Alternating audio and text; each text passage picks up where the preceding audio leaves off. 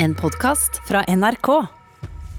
Bare én av fire fagbøker når frem til folkebibliotekene, mens hele åtte av ti romaner gjør det, ifølge Kulturrådet.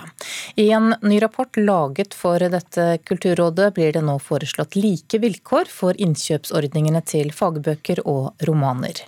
Målet er å skape bredere tilbud for barn og unge, studenter og andre som er interessert i mer læreorienterte bøker. Boka Høyt, en reise i Himalaya av Erika Fatland, høsta strålende kritikker og ble kalla et mesterverk av litteraturmelderen i Aftenposten. Trass i det ble ikke boka med i Kulturrådets innkjøpsordning.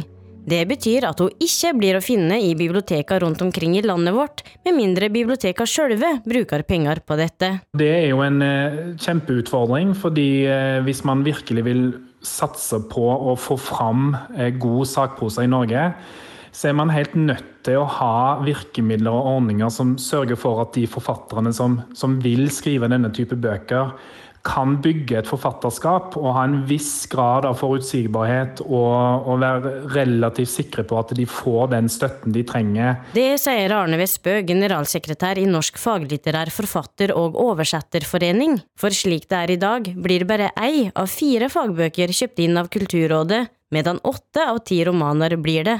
Grunnen er at innkjøpsordninga for fagbøker er mer konkurransestyrt og tidkrevende. Det fører til at det blir færre bøker, og det tar lengre tid før bøkene står i bibliotekshylla. I en ny rapport gjennomført av et utvalg fra Høgskolen i Volda på vegne av Kulturrådet blir det nå foreslått å likestille ordningene. Det vil føre til at bøkene kommer langt raskere ut i bibliotekene enn eh, dagens ordning gjør. For, eh, for forlagene og forfatterne så vil eh, det gi større forutsigbarhet. Det vil eh, gjøre det lettere å lettere å gjøre gode vurderinger om en tittel kan, om du kan satse på eller ikke. Det forteller Lars Halvorsen, høgskolelektor i Volda, som har vært med å utrede dette. Arne Vestbø er svært positiv til forslaget. Det er jo det samme vi i NFFO har argumentert for i flere år, og nå har vi det kunnskapsgrunnlaget både vi og bransjen for øvrig og politikerne trenger for å, for å rett og slett bare gjennomføre det som, som vi er helt sikre på er riktig virkemiddel for at eh, norsk sakprosa skal fortsette å utvikle seg og nå fram til alle leserne over hele landet. Men det er ikke gitt at det blir vedtatt. Ifølge Anne Oterholm, rådsmedlem i Kulturrådet, vil dette være en langvarig prosess. For deg skal nå Diskutere med litteraturfeltet, altså alle organisasjonene, aktørene som dette har betydning for. Og så skal vi diskutere i faglig utvalg, og så skal vi diskutere i rådet, og så skal vi komme fram til de endringene som vi eh, til slutt går inn for, eller som rådet da eh, vedtar i retningslinjene. For det er ikke bare bare å vedta slike forslag. Økonomi og politikk spiller inn. Så det er ikke veldig lett å innføre en masse automatiske ordninger hvis eh, det ikke blir økte budsjetter. Den broen som sakprosaen skaper mellom vitenskap og allmennhet, det er jo akkurat det vi trenger nå. Så Derfor er sakprosaen ekstremt viktig i 2020, og veldig viktig at vi som samfunn ser at vi har bruk for og, og satser på. Det sa Arne Vestbø, reporter Oda Elise Svelstad.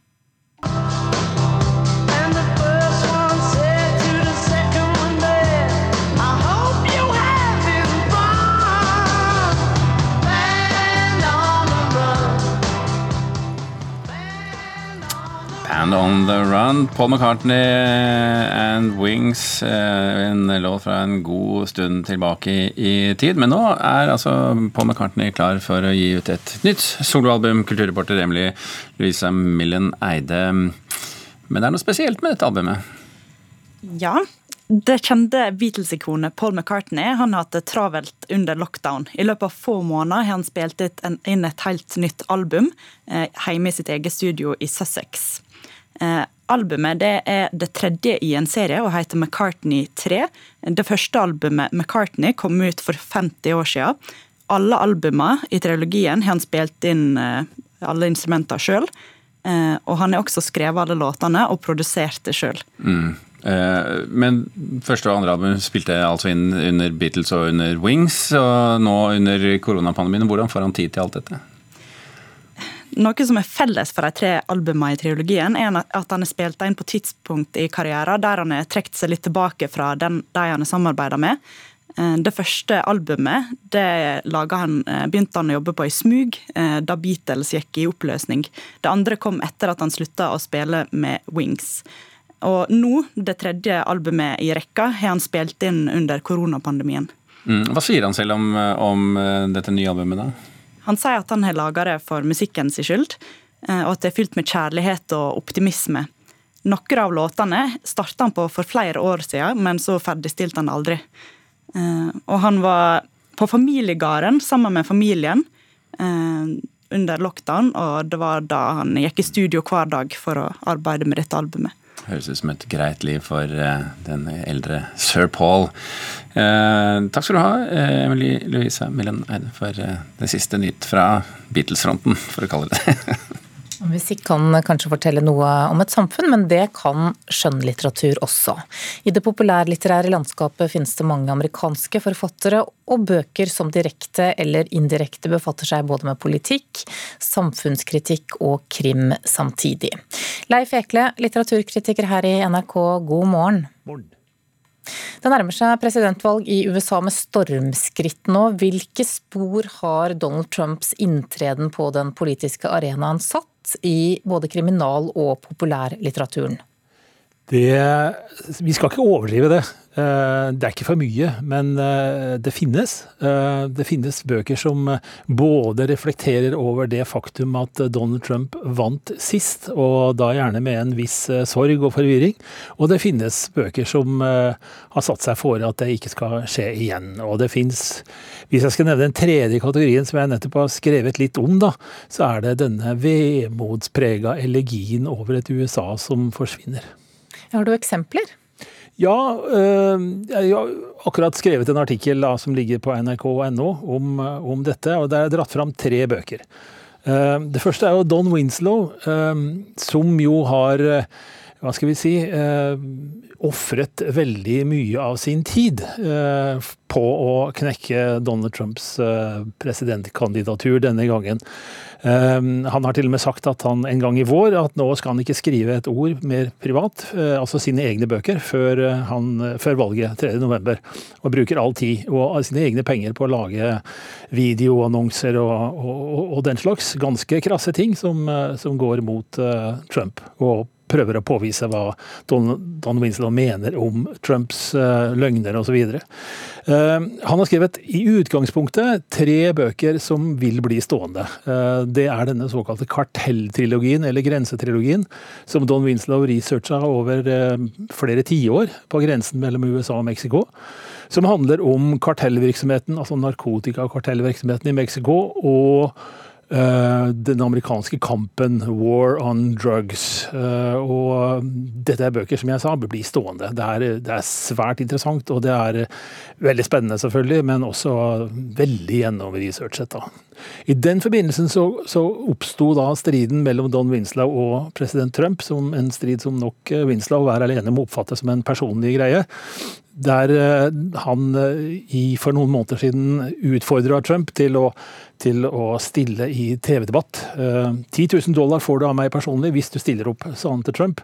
Trump svarte aldri. Eh, etter det så har han da gitt ut en ny bok, den siste som eh, da kommer før valget. I den er det én historie som refererer direkte til Trump valget og grensespørsmålet. En, en, ganske vakker historie om en grensepolitimann som nok har stemt på Trump, uh, og som gjerne sier 'fucking Mexicans', men som uh, blir var ei lita jente som ser på han gjennom et gitter i en sånn uh, fangesituasjon. Og det, det kan bli veldig sentimentalt, men blir det ikke. Så Det er Don Winslow. I tillegg så ble jeg i, i, i vår, mens koronatida var på det verste, oppmerksom på at min gamle helt Jonathan Lethem har skrevet en bok som heter The Feral Detective. Den kom i 2018, og det handler om Phoebe Ziegler, en eh, meget velutdannet journalist eh, som har fått jobb i New York Times, og har gjort det hun kunne for at eh, eh Hillary skulle vinne dette her. Eh, det gjorde jo ikke Hillary. Uh, Phoebe sitter på, på, bar og leser uh, Elena Ferrante, mens uh, Hillary visstnok går tur. Hun sier opp jobben sin rett og slett i New York Times, og ender på en jakt etter en forsvunnet tenåring i California, det indre av California. Og slik møter vi da et USA, og Phoebe møter et USA hun ikke var klar over at fantes. Dette merkelige med alle disse konspirasjonsteoriene og alt sammen. En strålende roman, og veldig morsom. Øh, og som går rett inn i den liberale forvirringen over det som skjedde etter øh, presidentvalget sist. Sist, ja. Vet ikke om vi har tid til mer, jeg har jo det? Ja, Litt, ja. Lite grann. Ja.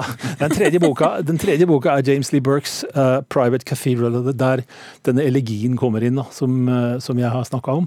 Uh, denne sorgen over et USA som blir borte. Det er hans gamle helt, Davy Robershaw, som på en måte er i ferd med å avslutte hele karrieren sin, tror jeg, og, og kanskje også James Lee Burks. Han blir 84 år nå.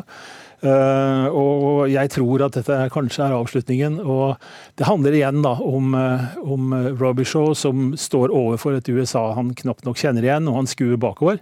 Og Samtidig så er det sånne skjulte, men, men tydelige referanser til, uh, til presidentvalget og til Trump, og ikke minst til det ble oppmerksom på nå, til dette fenomenet, den konspirasjonsteorien The Lizard People. Det er en person her som, som ser veldig ut som en lizard.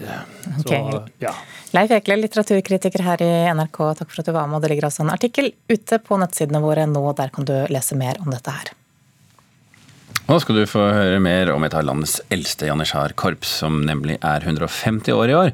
Det startet på et jernstøperi i Løten i 1870. Arbeiderne som ble med i korpset, de ble lokket med gratis instrumenter og tid til å øve i arbeidstiden.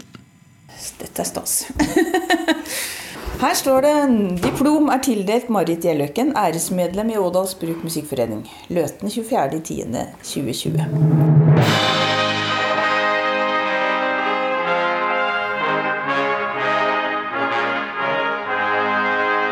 Marit Gjelløkken viser fram diplomet over æresmedlemskapet i Ådalsbruk musikkforening, som hun fikk på lørdag da korpset hadde jubileumskonsert i Løten. Ja, det som vel gjorde utslaget, er at jeg skrev eh, boka om bruksmusikken i 150 år. For vi feirer 150-årsjubileum nå denne helga. Ådalsbruk musikkforening, på folkemunne kalt Bruksmusikken, er et bygdekorps fra Løten i Hedmark, og like stolte kulturbærere som løytenakevitten. I år er det 150 år siden et av landets eldste janitsjarkorps ble stifta. Historia om musikkorps i Norge kan deles i tre. Først kom militærkorpsa, så kom amatørkorpsa. Og så kom pulje nummer tre. Og det er da de, de korpsene som er knytta til fabrikkvirksomhet, industrivirksomhet. Og der er Ådalsbruk Musikkforening et eksempel på det.